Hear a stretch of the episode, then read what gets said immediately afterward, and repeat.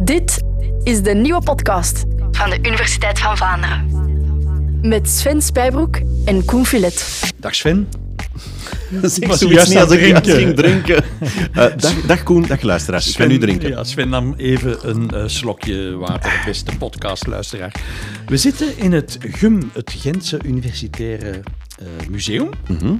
Waar ze een vagina-weekend houden. Een, een, een vulva-weekend. Een vul- dat is een belangrijk vulva- verschil. Dat hebben we eh, geleerd door een filmpje van de Universiteit van Ah, Vlaanderen.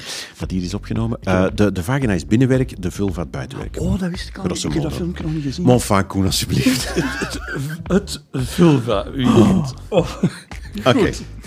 Sven, ehm, de vulva, dat is toch een van de prettige lichaamsdelen? Ik zou Die- denken. Ja, ik wij- ben fan. wij- ja? Het is, ja, nee. Die wij bezitten, we zitten met twee mannen te praten. Dat is een beetje raar eigenlijk. Hè? Ehm, maar het onderwerp van vandaag is eigenlijk echt, echt, echt niet prettig. En de vraag die we willen beantwoorden is: hoe helpen we vrouwelijke genitale verminking de wereld uit? Ah, Het gaat over maar dat is wel goed. vrouwenbesnijdenis. Ja, dat, er, dat, Dat, de we wereld, dat de wereld uit gaan helpen, toch? dat Dat, is de bedoeling. Ja, Ja. er is nog veel werk aan de winkel. Dag professor Van Ekert. Hallo. Nina van Ekert, sociologe aan de Universiteit van Antwerpen. Uw onderzoek wordt gefinancierd door het Fonds voor Wetenschappelijk Onderzoek. Inderdaad. En dat onderzoek gaat over Vrouwelijke genitale verminking, inderdaad. vrouwenbesnijdenis, Ja. zoals we zeggen. Ja. Ehm, zullen we eerst beginnen met de vraag, wat is dat eigenlijk, vrouwelijke genitale verminking? Ja, ja. Vrouwelijke genitale verminking, ehm, dat omhelst eigenlijk alle ingrepen waarbij een deel van de vrouwelijke genitalie wordt weggesneden of er verwondingen aan worden toegebracht om niet-medische redenen. Nu, de Wereldgezondheidsorganisatie heeft daar een typologie over ontwikkeld. En die zeggen dat er vier types zijn. Oh. En dat vind ik belangrijk om mee te geven, omdat er vaak één bepaald beeld is over vrouwelijke genitale verminking, maar eigenlijk zijn er heel veel verschillende vormen van vrouwelijke genitale Wel- verminking. welk beeld heb jij, Sven? Ik wou het juist aan Ja? jou vragen. Eh, eh, ik, ik denk de clitoris wegsnijden, Ja, eh, de schaamlippen wegsnijden, al dan niet in combinatie. En, en soms ook dichtnaaien, dacht ik. Ja, dat dat zo'n heel klein gaatje. Ja, en ben ik blij om te horen dat jullie al een vrij breed beeld hebben, want heel vaak wordt er heel snel gedacht aan het derde type, het dichtnaaien, het infibuleren. hè. Maar je hebt ook nog andere types. Ja. Dus je hebt type 1, en dat is inderdaad het gedeeltelijk wegsnijden van de clitoris. Hè. Het is altijd enkel ehm, een deel van het uitwendige deel van de clitoris. Hè. Ah, ja, Eh, ja, want het ja. is, eh, zoals we recentelijk eh, meer te weten komen, is de clitoris een groot orgaan dat ook Juist. inwendig Wie eh, dat filmpje verder van de. Universiteit van Ja. Vlaanderen gezien heeft, Koen Filet, die weet dat. Dat er een heel Ja. binnenwerk is, dat kan Dus je ik daar moedig zien. iedereen zeer sterk aan om te kijken. Dat is heel belangrijk. Het gaat alleen om dat gevoelige topje, Ja, dat ja. knopje. Aan de buitenkant. Ja. ja. Eh, of een, een deeltje daarvan. En dat, is, dat noemt men clitoderectomie en dat is type 1. Ja. Dan heb je type 2 en daarbij wordt eh, hiernaast, naast het gedeeltelijk vrijden van de clitoris, ook de binnenste of buitenste schaamlippen gedeeltelijk eh, weggesneden. Dat noemt men excisie. En bij type 3, dat is infibulatie, gaat men eigenlijk een vernauwing van eh, de vaginale opening maken door de schaamlippen eh, aan elkaar te naaien. Ja. Ook eerst gedeeltelijk te verwijderen en dan aan elkaar U mag nu eh, stoppen, want ik vind het nu al verschrikkelijk. Ja, ja. Ik mag er niet aan denken wat type 4 dan wel niet moet zijn. Type 4 ehm, is eigenlijk een verzameltype voor alle andere praktijken die onder de definitie vallen, maar niet type 1, 2 of 3 zijn. Noem eens een voorbeeld. Voorbeelden daarvan eh, zijn eh, wanneer men die clitoris gaat prikken. Dus men een Oh. prikje gaat doen in de clitoris, maar geen deeltje wegsnijdt. Een prikje. Eh, ja, je hebt Waarom ook, zou men dat willen doen? Ja, dat is een, een alternatieve vorm ehm, van vrouwelijke genitale verminking. Daarmee, dus je hebt die variatie, die Op, op, sommige plaatsen in de wereld doen ze een soort vrouwenbesnijdenis light, namelijk door erin te Ja, prikken. bijvoorbeeld in Nigeria is het eh, vaak dat wanneer er een meisje geboren wordt, Mhm. dat men eigenlijk eh, bij het babytje meteen in de nazorg na de geboorte ook een prikje in die clitoris doet, dat er dan een symbolisch druppel bloed komt. Ah, En ja. dat is ook een... een, een- En blijft dat symbolisch, of is dat echt een verminking met een litteken en zo? Of, of valt dat eigenlijk allemaal nogal mee? Dat is... Koen, allee, allee, het light. Koen, maar beeld het u eens in. Denk je dat dat Nee, meevalt nee, voor een baby? nee. Ik denk dat dat Nee, geen nee, deugd nee, nee, doet. natuurlijk niet. Maar, maar van al de gruwelijkheden die we Ja, daarnet hebben gehoord, ja. en jij gebruikte zelf het woord light, Om die reden ja, dat als er Ja. vergelijking met... litteken achterblijft, zou ik zeggen van, goh, allee, ja. Ja, ja en eigenlijk door dat te zeggen haalt je meteen een discussie aan. Hè. Het idee is, hè, je hebt die definitie, alles wat daaronder valt, is vrouwelijke genitale verminking. Hè. En ehm, onder het idee van de mensenrechten is elke vorm een schending van de mensenrechten. Ja, en de ja, ja. campagnes er nu tegen klagen ook allemaal vormen aan onder dat mom van als het vrouwelijke genitale verminking is, het maakt niet uit hoe minimaal, hè, Ja. dan is het niet oké. Ehm, dat samenhangt met het feit dat dat onderdrukking van de vrouw is in zover. Oké, dus, dus mensenrechten zeggen zo'n vulva, je blijft eraf. Ja. Ja. Ja, punt. Ik ga de vraag toch nog eens opnieuw stellen. Het is niet oké, maar blijft er van zo'n prikje een litteken? Ja, je hebt dus, ehm, als ik misschien ineens wat mag toelichten wat de gezondheidsrisico's zijn van genitale Ah, ja, verminking, kan ik daar Ja. een kanttekening Ja, bij ja, maken. Ehm, dus over het algemeen wordt er gezegd van ja, je hebt korte termijn ehm, gevolgen, wat bijvoorbeeld pijn is, Ja. bloed. En, en dat hè. is zeker het geval bij dat prikje. Voilà, ja. hè, en in de ergste gevallen, bij extreme bloedingen, hè, kan dat ook leiden tot de dood van een meisje in extreme gevallen. En dat zijn die korte termijn Ah, ehm, gevolgen. Dan heb je lange termijn gevolgen. Dat zijn wanneer er terugkerende ontstekingen zijn, bijvoorbeeld, of ehm, wanneer hè, op productie- reproductief vlak, op vlak van vruchtbaarheid en bevallingen, merken we daar ook wel eh, veel. Omdat zeker bij dat infibuleren heb je ook vaak geblokkeerde menstruatie, heel pijnlijke bevallingen. Dat infibuleren, dat was het Ehm, dichtnaaien. dat dichtnaaien, is een wanneer- klein gaatje, Ja. dan moet ook de menstruatie door. Ja, ja, en het urineren. Dus daar kun je bij voorstellen. En, ehm, Ja. Inderdaad. En dan heb je natuurlijk ook op seksueel vlak hè, pijn bij het vrijen. Ah ja, ehm, wat ook een relationele impact kan Een hebben. bron van genot die je Ja. kwijt bent. Ja. Ja. En ehm, op mentaal vlak is er ook aangetoond dat vrouwen die vrouwelijke genitale verminking eh, hebben gehad, dat die eh, vaker eh, depressies hebben en Ah, ja. trauma. Ah, toch wel. Het is niet zoiets van, dat is traditie, dat hoort erbij, wij doen dat zo. Dat is een Dat reden die heel een vaak wordt aangehaald. Ja, ja. En inderdaad, er zijn ook vrouwen die dat inderdaad zeggen van ik heb dat gehad en ik heb daar geen last van, dus waarom is er iets mis mee? Ja. Maar heel vaak is het ook wel een traumatische gebeurtenis, omdat het vaak gebeurt bij jonge meisjes die op een bepaald moment ineens daar verrast mee worden. Of op de dag zelf zegt men, wij gaan jullie nu besnijden, je wordt een vrouw. Ehm, die weten dan niet goed wat er gaat gebeuren, wat natuurlijk wel een impact heeft Oké, op die meisjes. maar ehm, goh, misschien is het een scheefgetrokken vergelijking, hè, maar een studentendoop kan bijvoorbeeld ook heel traumatisch zijn. Of, of ik denk zo een totemisation bij de Ja. scouts. Ik denk aan mijn dochter, ik heb ze deze zomer nog in tranen aan de telefoon gehad. En ik denk, ja, Ja. dit, dit moet ophouden, die onzin. En drie dagen later zegt hij, oh man, dat was toch cool. Ik ben, ben trots eigenlijk dat dat Ja, ja. dat trauma is verwerkt. Op Ja. een of andere manier. Maar dit is natuurlijk wel veel en veel ingrijpender. Hè? Ja, ja. waarom dat ik ehm, dat ook nog even wou zeggen, van die, ehm, dus die gezondheidsrisico, het ding is dat dat ook heel hard samenhangt met door wie het gebeurt, waar het gebeurt, welk materiaal wordt er gebeurd, in welke omstandigheden gebeurt en wat is, wat is de conditie van het meisje op die moment. Dus, ehm, Wacht, wacht, is- zeg je nu dat er propere, oké, liefdevolle, correcte manieren bestaan om zoiets volgens mij te doen? Wat ik zeg is dat de gezondheidsrisico's heel hard samenhangen met eh, hoe het gebeurt. Hè. Dus, en ik denk dat je dat logischerwijs ook wel direct kan begrijpen als je denkt aan die infibulatie. Hè, dat vernauwing van de opening. ja. En je moet dan als vrouw nadien bevallen. Of je hebt een, eh, een, een prikje in die clitoris gehad en je gaat dan bevallen. Je voelt direct, dat is wel Oké, maar iets wacht, die- anders. die- die- dat dichtnaaien, wordt allemaal veel te plastisch naar mijn goesting. Maar wordt dat dan opengemaakt later terug? Of, of is de bedoeling, nee, nee, nee, dat kind zal bij de bevalling, of die man Mhm. bij de penetratie, zal dat dan wel Ja, manu militari openmaken? Ja, dat moet opengemaakt worden, inderdaad. En daarom is het ook belangrijk, als bijvoorbeeld in België een vrouw ehm, moet bevallen die infibuleerd is, is het belangrijk dat dat op voorhand geweten is, hè, zodat er op tijd gedeinfibuleerd kan worden. Maar dat wordt is- Ja, dan maar wacht, dat is met de zwangere worden. geraken. Hè? Daar komt Ja. een penetratie Ja. aan te passen om met een Ja, inderdaad. Hè. En daar is het ook vaak dat wordt opengedaan eh, door de man tijdens de huwelijksnacht. Hè. Soms ook gaan de besnijdsters het terug openmaken voor de huwelijksnacht, Maar voor dat penetratie. terug, maar allee, dat is niet... dat is niet draadjes uithalen. Hè. Tegen dan is dat dichtgegroeid, dat Ja. is terugsnijden. Of, En dan of- wordt dat opengemaakt, maar dan nog... Allee, een, Ah. een, een ingang voor een penis is nog altijd kleiner als voor een bevalling. Dus het is niet omdat het ooit wordt opengemaakt om seks te hebben, dat de bevalling We niet meer echt te draaien op onze stoel van ongemak. Maar echt waar. Maar oké, je, je komt dan eh, binnen in het ziekenhuis. Als je wilt bevallen, blijkt dat je dichtgenaaid bent. Maar in België is dat toch verboden? Denk Ja. ik dan? Ja. Ehm, ja, eigenlijk is vrouwelijke genitale verminking ook in bijna alle praktiserende landen verboden. hè. In België is het verboden, maar ook in de meeste landen. Bijvoorbeeld de landen waar ik onderzoek doe, Egypte en Kenia, is het ook ver- verboden. Ah, Oké. Ja. Dus wij hebben zo'n beeld van wow, die barbare kinderen doen allemaal van die rare dingen, maar dat is daar ook verboden. Dat is daar ook verboden, ja, absoluut. Ja. Er zijn enkele uitzonderingen. Ik denk bijvoorbeeld in Mali en Somalië denk ik dat het nog legaal is, maar de meeste landen is het eh, En wordt het ook vervolgd en bestraft? Ja. Ah ja. Er zitten Ja. mensen in Kenia in de gevangenis omdat ze vrouwenbesnijdenis ja, hebben nu toegepast. natuurlijk... ehm, Of hebben een boete moeten betalen. Enfin, misschien is het Ja, geen in principe ehm, kan daar gevangenisstraf eh, voor gegeven worden.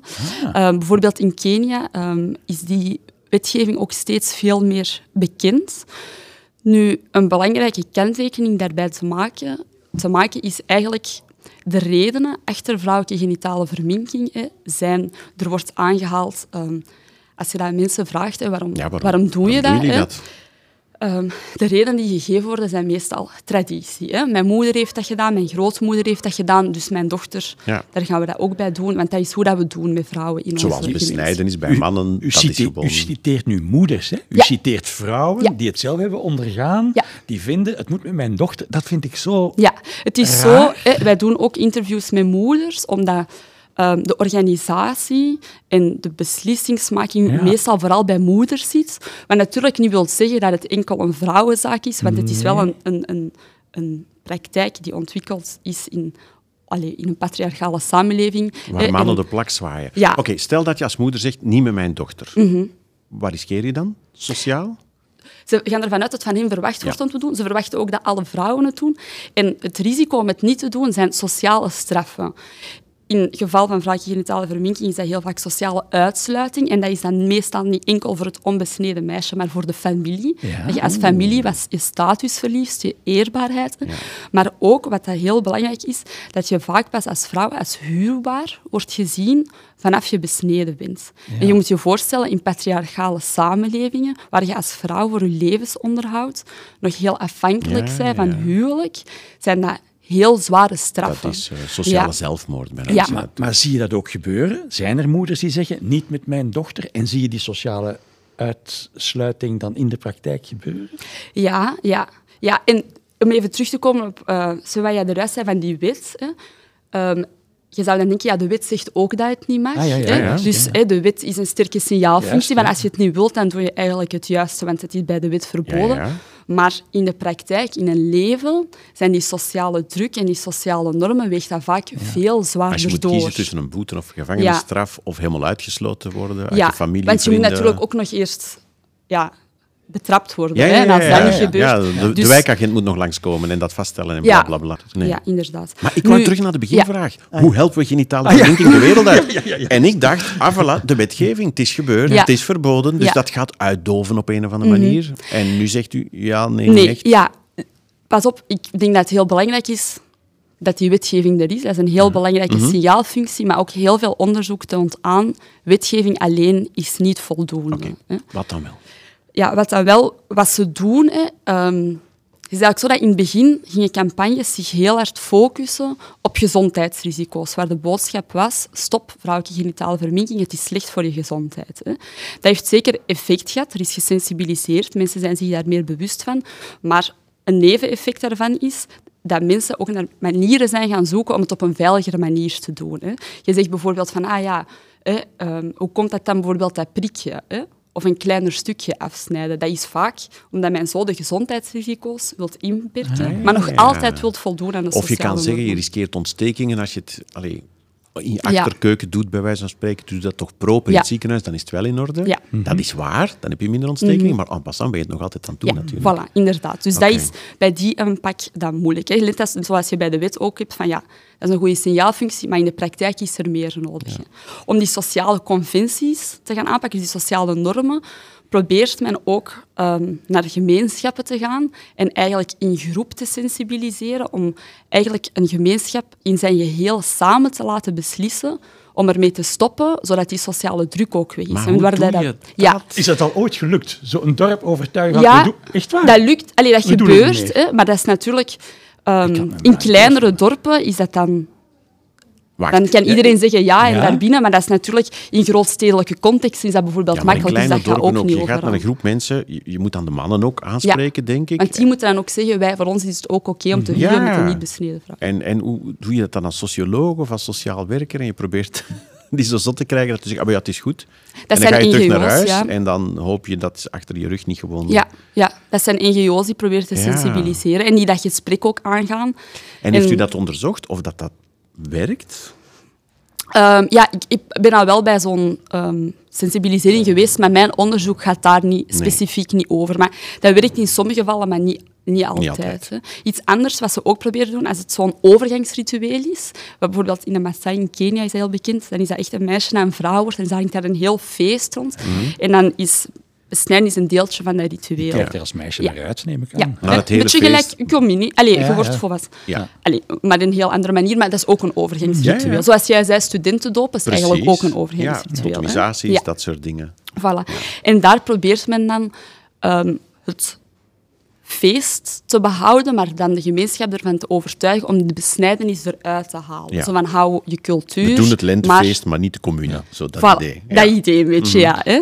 Ehm, dus dat probeert men zo. Dus, en, nu wordt, en dan, nu wordt er vooral vanuit die mensenrechten altijd gezegd, we moeten zeggen dat alles, alles no matter how minimal, staat er, hè, van, het maakt niet uit hoe minimaal, alles moet bestreden worden. Ja, alles we- Ja. Want ik dacht nog te argumenteren, als we nu eens een wet maken die, eh, dat, dat het verplicht is om het door een dokter te laten gebeuren. Dat het toch al niet met vuile mesjes en Ja. glasscherven heb ik wel eens Het horen equivalent, het equivalent van propere naalden uitdeelden aan drugsverslaafden, daar Ja. gaan ze Is het dat een al goed niet.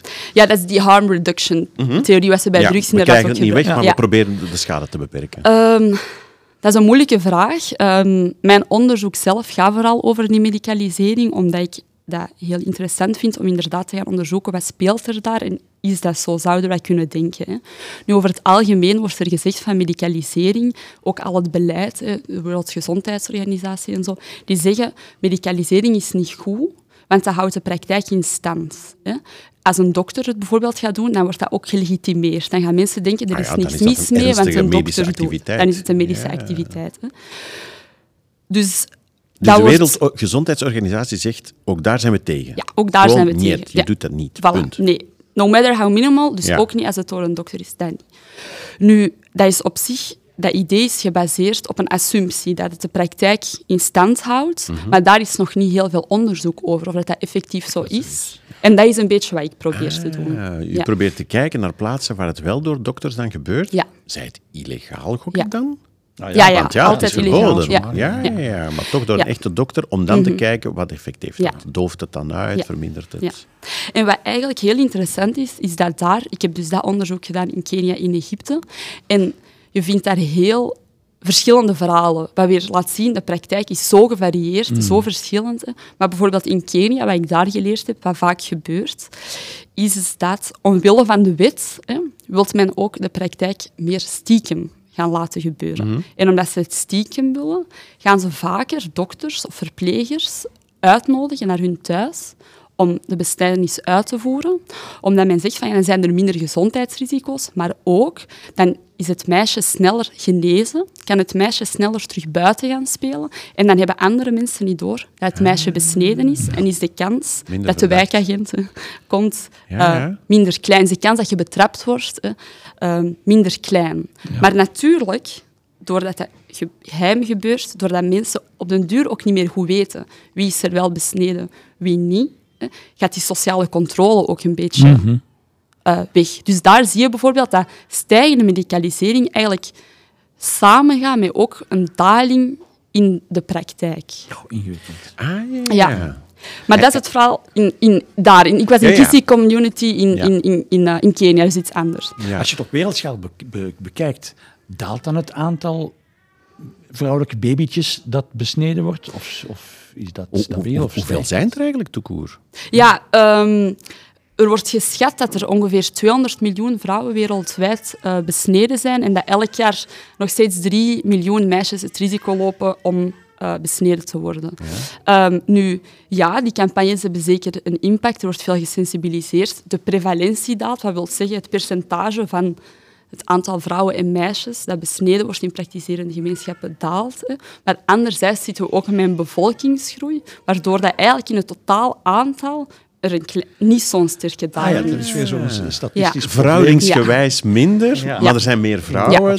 En dus in absolute Ja. cijfers meer. Maar dus er is zeker allee, al veel werk gebeurd, maar er is nog werk aan de winkel. Het staat bijvoorbeeld ook in de Sustainable, Sustainable Development Goals, dat tegen 2030 onder de gendergelijkheid, Dat zijn al die genitale verminking toekomstdoelstellingen van de VN, Ja. geloof ik. Ja. Ik zie nog meer een lastig probleem. We zitten hier met drie witte, blanke mensen te praten over Afrika. Ik associeer besnijdings met, met Afrika. I- Wat, vindt u ja, van, Is dat al terecht? Wat vindt u van vrouwen die hun schaamlippen, die daar een, eh, een eh, piercing doorheen laten jagen, hier Ja. bij ons? Ja, ja, Is dat stippen 4 geloof ik, hè? Of ja. dit? Nee, maar heel interessante vraag, ja. Ja. En, is ehm, verminking, hè? ja, dat is onder de definitie, zou je dat kunnen onder zeggen. luisteraars. Ja, nee, nee, sorry. Dat is mutual met jezelf consent, denk Ja, ik dan. oh, oh, oh, die ken je vrouwen ook. Ah ja, ja die, die moeders ook. Nee, geen verschil. Die, die willen dat Ja. ook. Ja. Nu, inderdaad, hè, dat is een interessante Mhm. vraag. Waarom? Ik, het, het is moeilijk om daar een antwoord op te geven, maar ik vind het heel belangrijk om op zijn minst daarover te reflecteren. Nu, punt 1 kan je wel zeggen, voor mij is het een heel groot verschil of het gaat over meisjes jong zijn, überhaupt geen consent geven, of over volwassen Ja. vrouwen. Hè. Het gebeurt meestal bij meisjes vanaf tussen de geboorte en de reproductieve leeftijd, dus je begint te menstrueren, je wordt seksueel actief, dus dat is al één verhaal. Maar als je diezelfde vraag stelt over volwassen vrouwen, wordt dat eigenlijk een moeilijke vraag. En zeker ehm, als je zoals ik bezig bent met die medicalisering. Hè? Want het is zo ehm, dat... eh, bijvoorbeeld in Kenia is er ook een, eh, een rechtszaak geweest enkele jaren geleden van een dokteres die eigenlijk pleitte voor legale besnijdenis voor volwassen vrouwen die er zelf om vragen. En die zei, als vrouwen, volwassen vrouwen ervoor beslissen om VGV te willen, hè, besnijdenis, hè, dan moeten zij dat in zo'n veilig mogelijke context kunnen doen. Moeten zij daarvoor naar een dokter Dat is kunnen een gaan. heftige stelling, Argen, argumenteer daar maar Ja. eens tegen, want dat, Ja. is, dat is eigenlijk ge- gewoon plastische chirurgie. Ja. Maar De, de, hetzelfde. de, de re- ah ja, dat is waar. Ik heb daar een interessant filmpje van de Universiteit van Vlaanderen gezien, Confilet. Datzelfde. Dat ging over de vraag, heb je een normale vagina? Ja. Om Ah, aan ja. te tonen, er, er ontstaat zo... De, de vergelijking met porno werd gemaakt. Een soort perfect, bijna puberaal, meisjesachtige vagina. Sommige vrouwen laten Ja. dat doen. Ja. Ook, ook aanpassen. Ja. Ja. Dat is Dat ook voldoen vier, aan ja, sociale normen. Ja. Dat is heel erg Ja. vergelijkbaar allemaal. Hè. Nu, die rechtszaak die is ook niet gewonnen. Uiteindelijk hebben ze gezegd, Ah, je mocht niet om culturele re- redenen schade berokkenen aan je lichaam, dus dat mag niet. Maar dat is wel interessant Dan om mag over na te Dan mag denken. een piercing dus ook niet. Ja, dus Ja. dan wordt er eigenlijk wordt de vraag dan, wanneer kan je als vrouw daar zelf over beslissen? Hè? Over je eigen lichaam. En hangt dat... Ja? Wanneer ben je onderhevig aan sociale druk en sociale normen en wanneer niet? Maar er wordt dan gezegd, in landen van praktiserende gemeenschappen, daar zit je altijd onder die sociale druk, dus daar kan je niet zeggen dat je daarvoor kan kiezen. Nu, Nee, anderzijds... Overal sociale druk, Voilà, hè. inderdaad. Overal. Hè. Voilà. En dat vind ik interessant. Dat is misschien een leuke vraag om te stellen ook. Maar als je dan denkt aan al die redenen die ik heb gezegd, kan je ook nadenken over hier in België of in het allee, glo- globale noorden, zoals ze dan zeggen, zijn er, zijn er ook best veel praktijken die gebeuren met de Er vrouwelijke zijn een hele genitaliën. hoop regels Ja, sociaal om te over hoe een vrouw er moet uitzien en Ja. hoe ze zich moet gedragen. Enorm veel. Ja, hè? Over de vrouw en over de vulva ook. In het bijzonder. Ja, Ja. Zo heb je bijvoorbeeld... ehm, Nee, oké, nee. Meestal stel je dan nu persoonlijke vragen, zoals... Hebt u zelf dan... Ja, nee, gaan we niet doen. Gaan we niet doen. Nee, Ja. maar komt je wel denken, is er iets waar dat jullie aan denken dan bijvoorbeeld? Schaam maar.